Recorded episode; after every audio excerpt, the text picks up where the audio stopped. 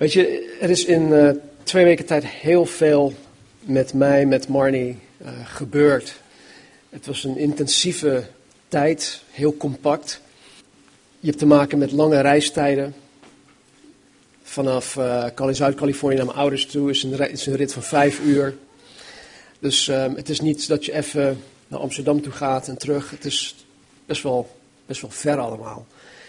En een, ik wil ik, twee dingen delen. Een van de dingen dat, dat zo mooi was, uh, wij waren in, in Californië bij een van mijn vrienden thuis. En Marnie kreeg dus een telefoontje van haar nichtje, de dochter van deze Stacy waar ik het net over had. En op die zondag was het haar verjaardag. Dat was de eerste zondag dus dat wij weg waren. Dus dat nichtje had uh, gevraagd, hey, kunnen wij of kunnen jullie naar dit restaurant toe gaan op zondagmiddag. Want ik wil mijn moeder uitnemen hè, voor de lunch, voor haar verjaardag. Maar het, is een verrassing dat jullie, jullie komen. Want ja, ze weet niet eens dat jullie in, in, de States zijn. Dus nou goed, dat had ze geregeld. We hadden de plannen gemaakt om één uur bij het restaurant. Dus we kwamen er aanrijden. En uh, we zagen hun al in de, in de auto, dus we hadden ons verstopt. Ik zei, Marnie had uh, een capuchon. Ik zei, doe capuchon op, anders ziet ze je. En uh, goed, nou, het was ons gelukt. Ze had ons niet, niet gezien. We, we kwamen het restaurant binnen, de, de deur, en we keken in de verte in de hoek. Zaten ze daar. En ineens zag ik mijn, mijn, mijn zwager, dus Marnie's broertje, ander broertje van, van Lodi, daar staan met zijn vrouw. Dus ik hè? Dus wij renden daar naartoe. Ik zeg, what are you doing here? En, en toen zei Stacy tegen ons, what are you doing here? En het was dus een, echt een dubbele verrassing. Zij had, nichtje had dus uh, Stacy verrast met onze komst. En nichtje had ook ons verrast met de komst van Peter en, en, en Christine. En dat was zo mooi, want die twee die hebben dan vijf en een half uur van Lodi naar, of zes uur naar, naar Santa Clarita gereisd om een paar uurtjes met ons door te brengen voor de lunch.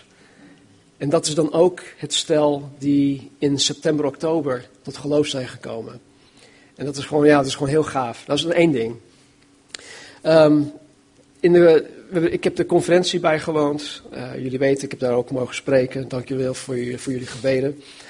Maar één ding waar ik, um, waar, waarop ik weer, of waaraan ik weer herinnerd werd, is waar het uiteindelijk om draait. En als je de evangelie leest, dan zie je dat Jezus, uh, dat Jezus uh, begaan is met de individu. Hij spreekt de menigte wel toe, maar uiteindelijk gaat het hem om de individu. En weet je, ik, let niet op de lege stoelen. Ik ben 19 jaar geleden ben ik hier naartoe gekomen met mijn, met mijn gezin, mijn hele hebben en houden. Dochter van 11, 6, 2 en 3 maanden. En ik wist gewoon en ik weet nog steeds dat God ons hier naartoe heeft gehaald. En nu zitten we hier met een kleine gemeente. En ik vind het hartstikke gaaf wat God aan het doen is. En als ik op die lege stoelen ga letten, dan ben ik heel fout bezig. Want weet je, al, ben ik alleen maar, alleen maar voor een Marcel de Haan gekomen, dan, dan, dan is dat al genoeg. En dat mag ik nooit uit het oog verliezen. al ben ik alleen maar voor een Bert Pol gekomen. En niet alleen maar voor een Bert Pol, dat bedoel ik niet. Maar snap je wat ik bedoel? Dan, dan zegt God, dat is al genoeg. God zou mij als het ware van de andere kant van de planeet halen alleen maar voor één persoon. Daar ben ik, daar ben ik stellig van overtuigd. Want hij heeft het zelf ook gedaan. Al was ik de enige hier op aarde, dan was hij nog van de hemel naar de aarde neergedaald om mij te redden. Dus, weet je, wees bemoedigd dat God met individuen hier in de gemeente bezig is. God is echt bijzonder bezig. En dat, moet, dat moeten we nooit uit het oog verliezen. Nou, ik heb nog heel veel te vertellen, maar ik, uh, ik ga verder met mijn preek. Het is, uh, denk ik, een week of zes geleden dat wij voor het laatst in Matthäus hoofdstuk 7 bezig waren.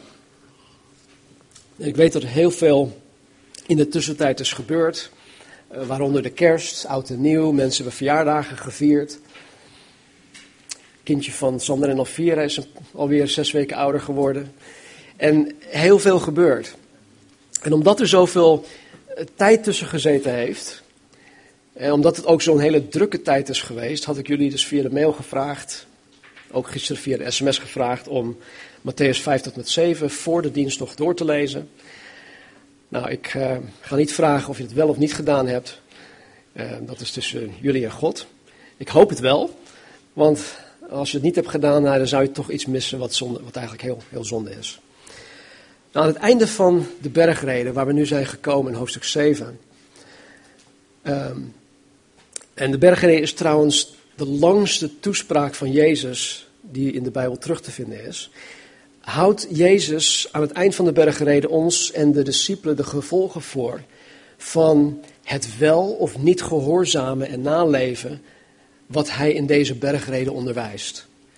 Hij heeft ons gigantisch veel onderwijs gegeven. En nu houdt hij ons dus de gevolgen voor van het wel of niet gehoorzamen en naleven van wat hij onderwijst. En hij doet dit door middel van een gelijkenis. En in deze gelijkenis um, ja, vergelijkt hij twee soorten mannen. Twee soorten fundamenten waarop deze man hun huis gebouwd hebben. Hij vergelijkt twee verschillende consequenties aan de hand van de keuzes die zij gemaakt hebben. Als we even teruggaan naar de zaligsprekingen, geeft Jezus ons een profielschets van de christen. Als je wil weten hoe jij eruit hoort te zien als christen zijnde, ga naar de zaligsprekingen toe. Daar staat het omschreven. Jezus laat ons zien hoe een christen eruit ziet. Wat zijn of haar kenmerken en karaktereigenschappen zijn. Jezus geeft ons vervolgens instructies over hoe de christen zich hoort te gedragen jegens God, jegens elkaar, jegens de ongelovige wereld. Jezus geeft ons uh, werkinstructies voor hoe de christen hoort te bidden, hoe de christen hoort te vasten, te, aanbidden, uh, geld weg te geven, uh, enzovoort, enzovoort. En al heb je geen enkel rode cent in je spaarpotje. Omdat je alles weggegeven hebt, zegt Jezus. Hoef je geen zorgen te maken over wat je dagelijks nodig hebt. En dat is zo mooi om dat vertrouwen te kunnen hebben. Vervolgens dringt Jezus ons aan om door de smalle poort of de nauwe poort naar binnen te gaan. En op de smalle weg te wandelen. Hij waarschuwt ons voor de subtiele en smerige misleidingen van valse profeten, van valse leraren, van valse christenen. En tot slot zegt Jezus dat degenen die zijn woorden aanhoren, zijn woorden in acht moeten nemen. Zijn woorden moeten toe-eigenen, zijn woorden moeten gehoorzamen en naleven. Want als men dit niet doet, dan zijn de gevolgen hopeloos. Hopeloos. Laten we onze Bijbels openslaan op Matthäus hoofdstuk 7. Oeps, alles valt eruit. Een stukje closetpapier. Dat is voor mijn, mijn pen.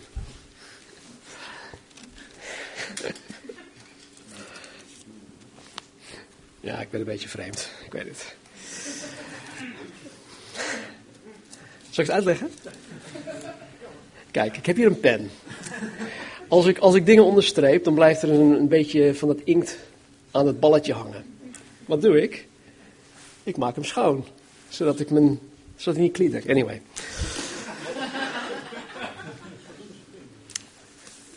Daarom, ieder die deze woorden van mij hoort en ze doet, die zal ik vergelijken met een verstandig man die zijn huis op de rots gebouwd heeft.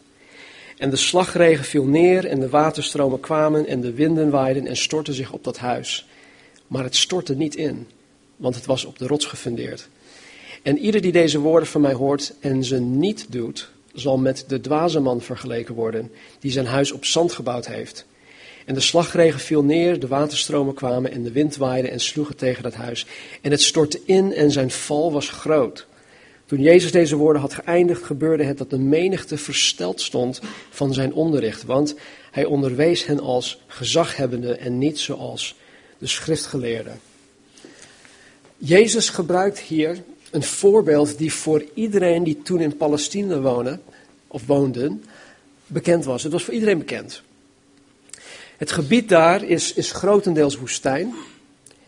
En de grond is zo hard en droog dat wanneer het regent, het, het, het kan geen water opnemen. Het is gewoon droog. En vervolgens ontstaan er wat ze in het Engels noemen flash floods. Als je bij mijn ouders uh, bent, uh, of als je door de woestijn heen rijdt, en, en je, ja, dan zie je overal uh, borden van beware flash floods. En dan denk je, als het, als het 45 graden is, joh, waar, heb je het over, flash floods? Maar als je ineens een, een gigantische, gigantische grote stortbui krijgt, dan, dan kan de grond het water niet opnemen. En, de, en het enige wat het kan doen is dat je een, een soort van een plotselinge um, overstroming krijgt. Ik wil even een filmpje laten zien van hoe dat eruit ziet. Voor degenen die nooit in de woestijn hebben, nooit hebben gezien. Dit is trouwens in Israël een uh, voorbeeld van. Zo. Ken.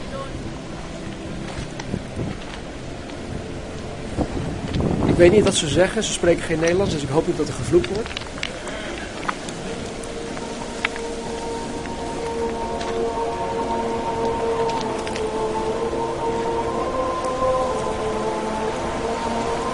En dit is gewoon regenwater, hè, wat hier dus uh, stroomt.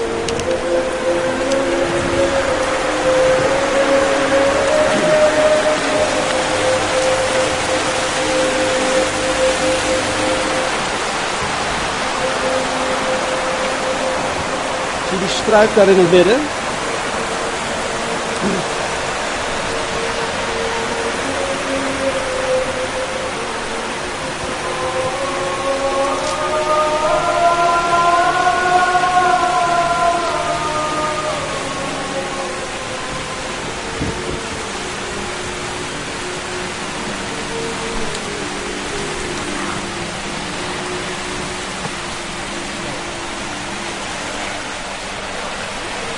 Wegstruik.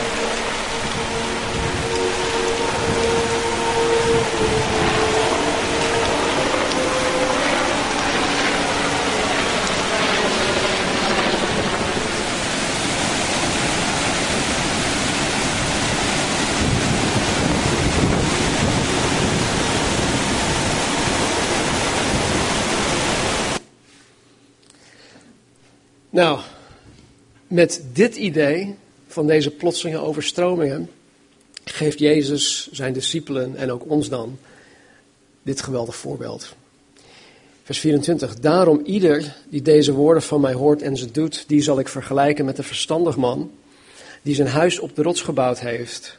En de slagregen viel neer, de waterstromen kwamen, de winden waaiden en stortten zich op dat huis, maar het stortte niet in, want het was op de rots gefundeerd.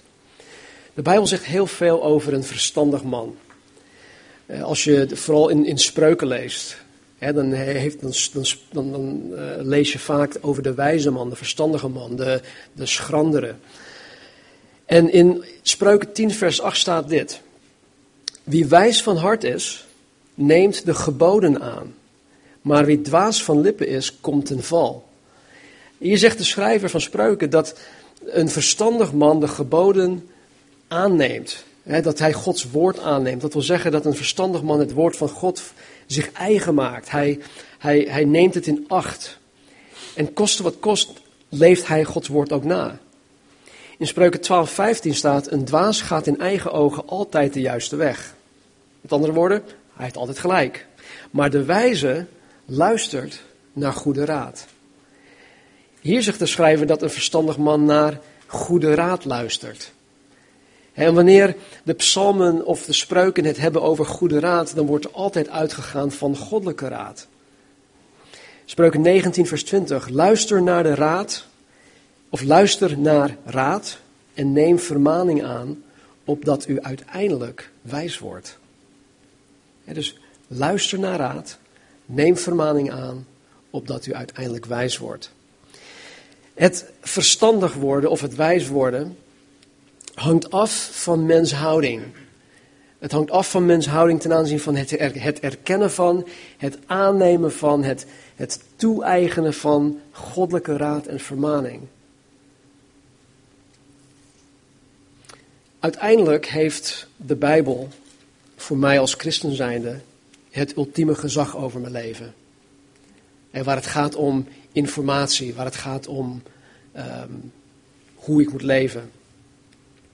Maar vaak genoeg gebruikt God één kind om zijn raad aan een ander kind door te geven. Hij spreekt door zijn kinderen heen. En daartoe geeft de Heilige Geest uh, ons ook de genadegaven. Hè, waaronder een woord van wijsheid, een woord van kennis of profetie. En ook het onderscheiden van geesten.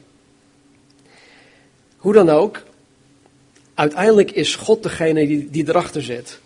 En wanneer God door een van zijn geestvervulde kinderen heen spreekt, of dat hij um, door zijn woord spreekt. Uiteindelijk is het gewoon God. De verstandig man wordt vergeleken met iemand die zijn huis op de rots gebouwd heeft. De verstandige man heeft nagedacht over hoe hij zijn huis ging bouwen. Hij heeft het nodige onderzoek gedaan. Hij heeft de nodige experts geraadpleegd. En in het maken van zijn bouwplannen keek hij vooruit naar eventuele toekomstige calamiteiten. En wat deed hij? Hij heeft zijn huis op de rots gefundeerd. En de rots waar Jezus het over heeft is onwankelbaar. Het is onwankelbaar. En wanneer men zijn huis op een onwankelbare rots bouwt, dan is het bestand tegen allerlei stormen, allerlei stortbuien, de wind en ook de plotselinge overstromingen. Kortom, het huis blijft rotsvast staan. En ook in de storm, want het is op de rots gefundeerd. In deze gelijkenis spreekt Jezus ook over het bouwen van een, of hij spreekt hij dus over, het bouwen van een, een, letterlijk huis. Hij, hij gebruikt het als voorbeeld.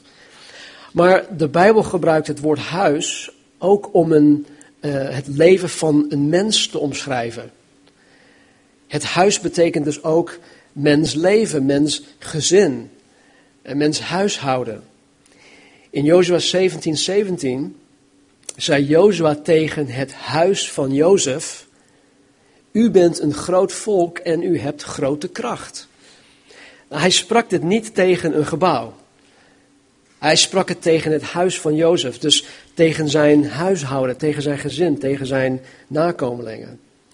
Even verder in, in Jozua 24, 15 zegt Jozua dit. Maar wat mij en mijn huis betreft, wij zullen de Heere dienen. Dus nogmaals, hij heeft het over zichzelf, over zijn gezin, over zijn familie, over zijn huishouden, over zijn leven.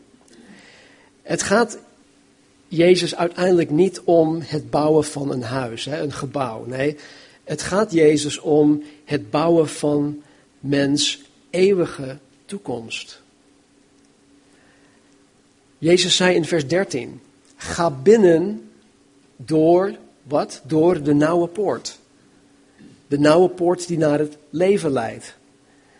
In vers 22 en 23 staat: Velen zullen op die dag, en dat is de dag waarin, waar, waarop Jezus de mens zal oordelen. Velen zullen op die dag tegen mij zeggen: Heere, Heere, hebben wij niet in uw naam geprofiteerd, in uw naam demonen uitgedreven, in uw naam veel krachten gedaan?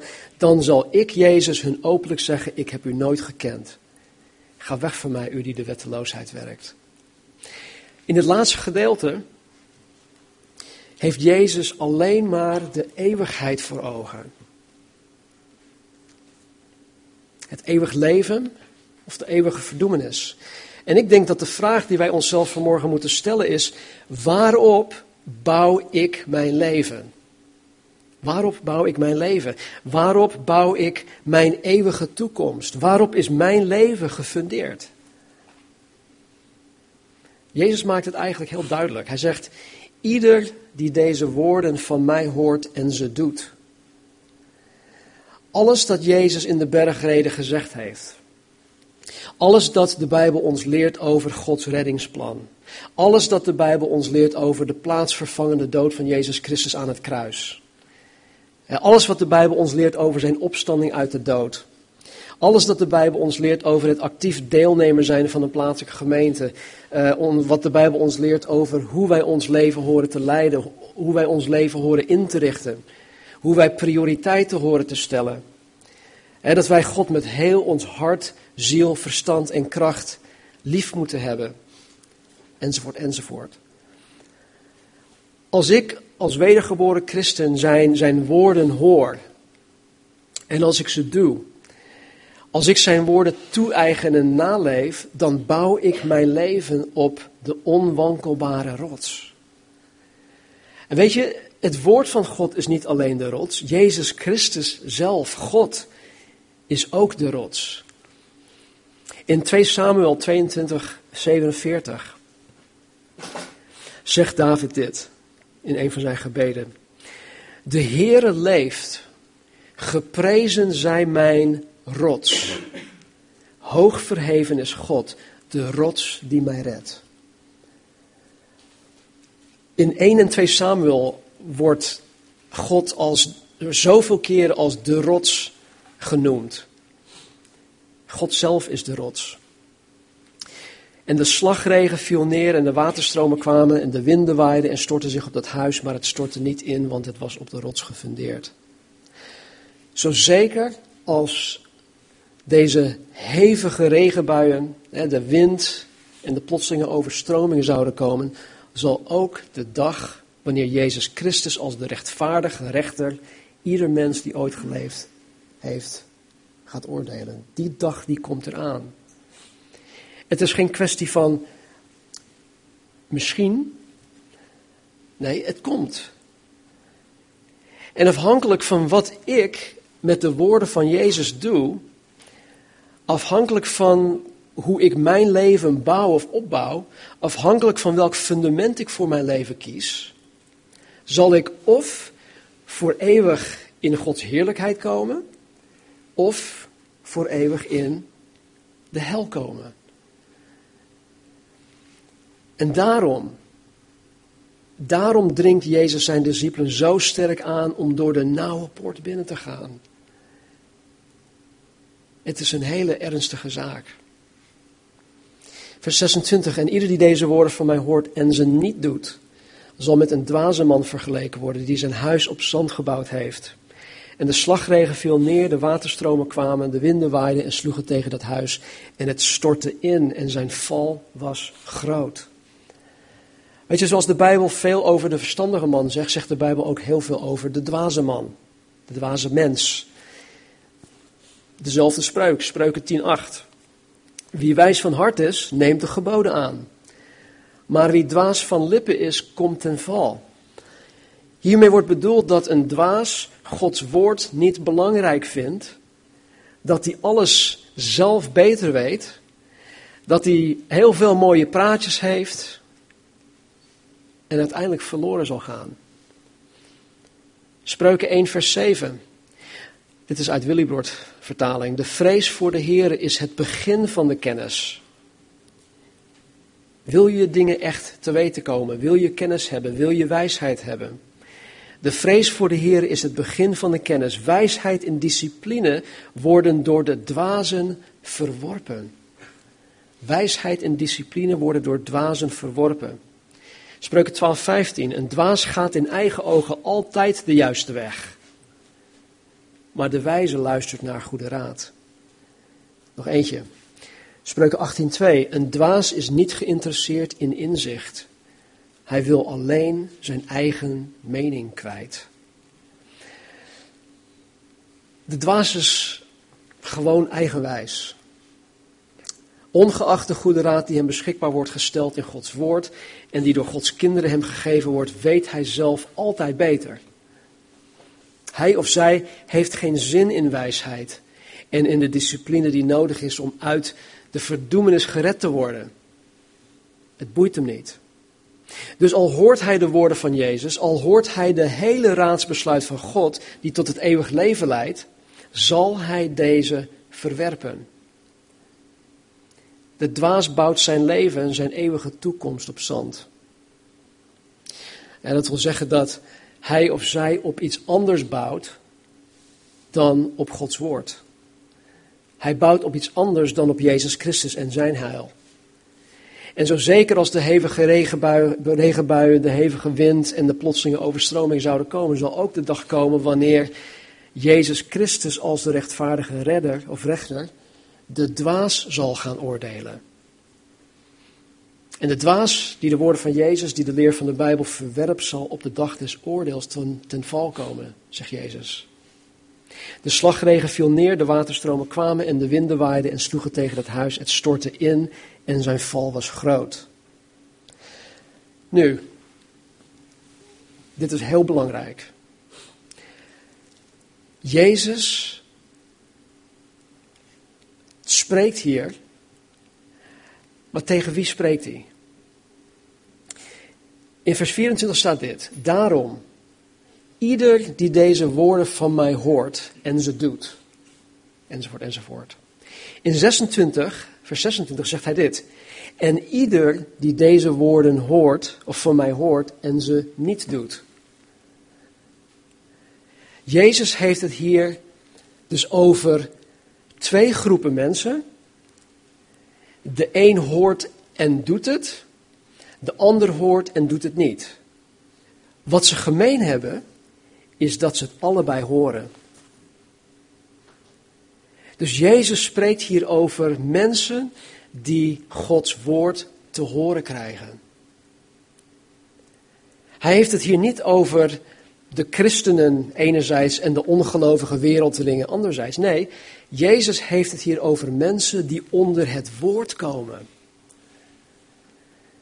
Mensen die iedere week misschien de kerkdiensten bijwonen.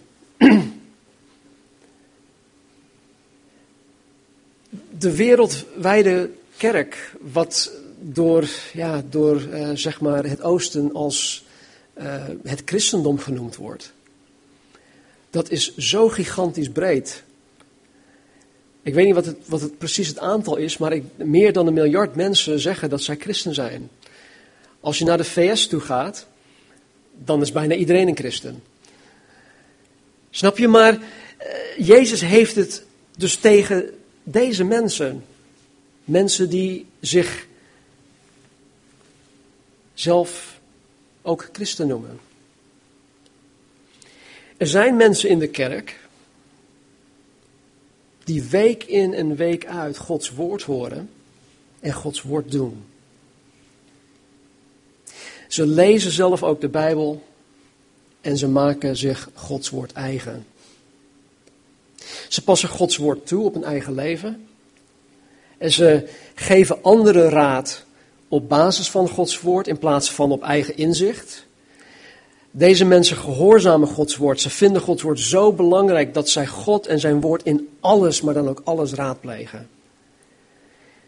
Hun hele leven, elke belangrijke gedachte, elke belangrijke beslissing, wat ze doen, wanneer ze het doen, waar ze het doen, hoe zij hun leven inrichten, waar zij wonen, waar ze werken, hoe zij hun tijd en energie besteden, hoe zij hun geld besteden. Het is allemaal gefundeerd op de rots, op Gods woord. Zij omhelzen het evangelie, zij delen het evangelie met ongelovigen en ze kunnen geen enkel belangrijk moment in hun leven zonder God en zijn woord. Dit zijn de mensen in de kerk die op de rots bouwen. Helaas zijn er ook mensen in wat wij de kerk noemen, die week in en week uit Gods woord horen en Gods woord niet doen. Zelf lezen, lezen ze de Bijbel niet. Laat staan dat zij Gods woord op hun eigen leven toepassen. Weet je, dit is een hard woord. Jezus eh, maakte zichzelf hiermee niet populair. Maar het is zwart-wit. En het is ernstig. Het is of je hoort Gods woord en je bent een dader van Gods woord, of je hoort Gods woord en je bent geen dader van Gods woord. Of je bouwt op de rots, of je bouwt op zand. Of je gaat de nauwe poort binnen, of je gaat de wijde poort binnen. Of je behoort God toe, of je behoort God niet toe. Of je huis is stormbestendig en het stort niet in. Of je huis is niet stormbestendig en het stort in en zijn val is groot. vers 28. Toen Jezus deze woorden had geëindigd, gebeurde het dat de menigte versteld stond van zijn onderricht. Want hij onderwees hen als gezaghebbende en niet zoals de schriftgeleerden. Jezus sprak hier met zijn goddelijk gezag. Hij sprak hier als de auteur van de Bijbel. Hij sprak geen mensen na. De, de schriftgeleerden die, die, die citeerden iedereen. Die hadden zelf geen gezag. Die zeiden van, ja en uh, rabbi die, die zegt dit en, en hij zegt dat. Het is net alsof ik de hele tijd vandaag gewoon uh, Chuck Smith zou citeren of David Guzik zou citeren. En, en ik zelf geen autoriteit heb in Gods woord. En ze praten mensen na. Maar Jezus deed dat niet. Hij praatte niemand na. En de menigte die, die hem daar aanhoorde, die, stonden, die stond versteld van zijn onderricht. De menigte die zijn woorden hoorden, waren helaas geen daders van zijn woord. De menigte. Want in Johannes hoofdstuk 6 zien wij dat de menigte Jezus verliet. Er staat letterlijk, en zij volgden hem niet meer. En Jezus keerde tot zijn twaalf discipelen en zeiden, en jullie dan? Willen jullie ook weg? Toen sprak Petrus, nee, waar anders kunnen wij naartoe gaan? U spreekt woorden van eeuwig leven. Nou, helaas staat hier niet dat de menigte door de woorden van Jezus arm van geest werden. En dat de, de, de menigte treurden over hun zonde. Nee, zij raakten slechts versteld van de manier, van de manier waarop Jezus sprak. Ook vandaag de dag in de kerk zijn er mensen die versteld staan van Gods woord. Hoe iemand preekt, hoe iemand het presenteert. En mensen zeggen, wauw, nou dat was echt een goede preek. Of wauw, dat was echt goed, nou dat is echt waar. Maar die er dan vervolgens niets mee doen. Waarop is jouw leven gefundeerd? Waarop bouw jij jouw huis? Ga je uit van wat je om je heen hoort en waarneemt?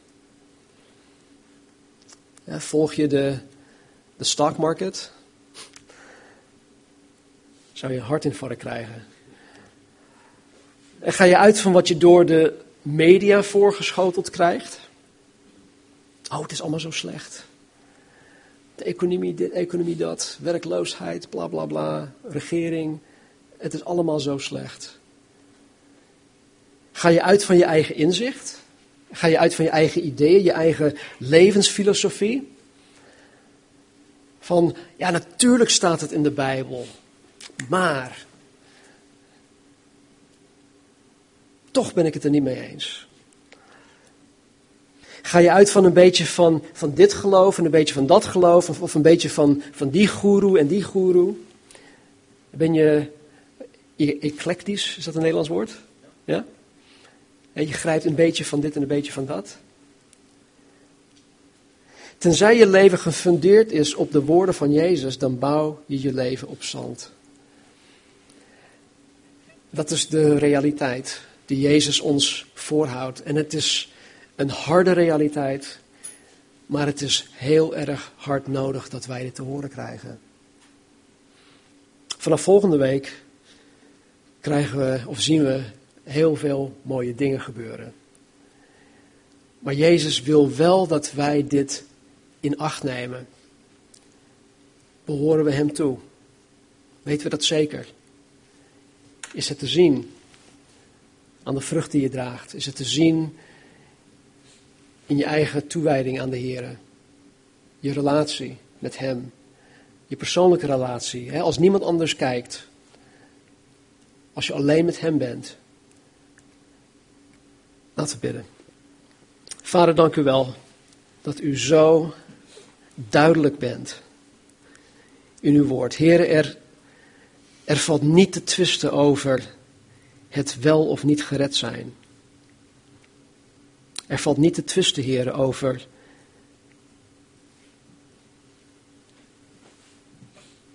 het eeuwig leven met u en het eeuwig leven zonder u. Er is geen grijs gebied. U heeft het heel erg duidelijk voor ons gemaakt. En Heer, ik weet, Heer, het, het is pijnlijk. Dit zijn dingen die wij niet willen aanhoren. Maar Heer, het is nodig. En ik dank u, Vader, dat u ons uw woord hebt gegeven. En Heer, dat we de tijd mogen nemen om ja, dit te mogen behandelen, Heer, te bestuderen. Dat wij de tijd mogen nemen om het ook tot ons te nemen. En Vader, ik weet dat geen van ons volmaakt is, Heer. Ik weet dat we allemaal tekortschieten in het doen van uw woord. Heer, ik faal daar dagelijks in. Maar Heer, wij hebben het verlangen. Heer, we hebben het verlangen om u na te volgen, om daders te zijn van uw woord. En Heer, waar wij zo zwak in zijn, Heer, help ons. Help ons om de kracht en de discipline te krijgen. Geef ons inzicht, Heer, tot het belang van, van uw woord en uw wil en wie u bent en de relatie die u met ons wil, wil hebben en, en opbouwen. Vader, vergeef ons waar wij misschien tot nu toe op zand gebouwd hebben. Heren, waar we u niet hebben betrokken bij dingen. En uiteindelijk, heren, gaat het, niet, dat, gaat het er niet om dat wij u bij ons leven betrekken. Uiteindelijk gaat het erom dat wij betrokken zijn bij uw leven. Dus Heer, help ons alstublieft. Heer, we hebben u zo hard nodig. Heer, de bergreden laat ons alleen maar zien dat wij het zelf niet kunnen. Heer, we kunnen het niet. En daarom, Heer, zijn wij arm van geest. Daarom treuren wij over onze staat, onze eigen staat. En daarom, heren, roepen wij uit vanmorgen, heren, help ons. Want we hebben uw hulp nodig. Zonder u kunnen wij niets doen. Heer, ik zie uit naar volgende week, hoofdstuk 8. Ik zie uit, heren, naar wat u deze week ook met ons gaat doen. Geef ons de gelegenheden, Vader, om dichter bij u te, komen, dichter naar u toe te groeien. Zegen onze huwelijken, Vader. Man en vrouw, laten we deze week iets geks doen in onze huwelijken. Misschien is dat gewoon om samen te bidden. Misschien is dat gewoon om samen een hoofdstuk uit de Bijbel te lezen. Heer, u weet het. Beweeg onze harten.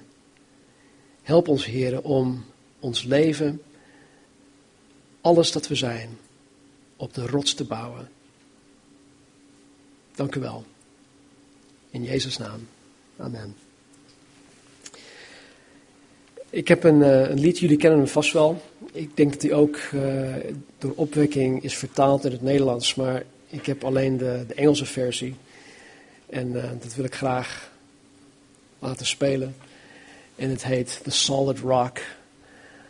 On Christ the solid rock I stand, all other ground is sinking sand. So.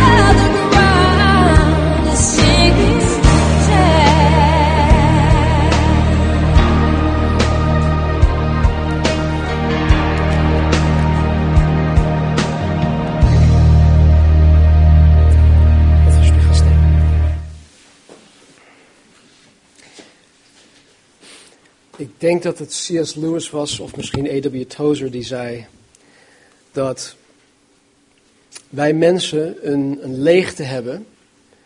Een leegte in ons hart in de vorm van God, die God alleen kan vullen. Maar, zei hij, wist je dat God ook een leegte heeft in zijn hart? In de vorm van jou als persoon. En alleen jij kan die leegte in zijn hart vullen. Dus het is niet alleen mijn verlangen, sterker nog, het is Gods grootste verlangen om een ieder van jullie voor altijd bij hem te hebben. Daarom is het voor Jezus zo'n dringende zaak. Paulus zegt: onderzoek uzelf of u in het geloof bent. Beproef uzelf. En dan bedoelt hij niet van, oh jee, ben ik wel, ben ik wel gered of niet? Dat we bang hoeven te zijn.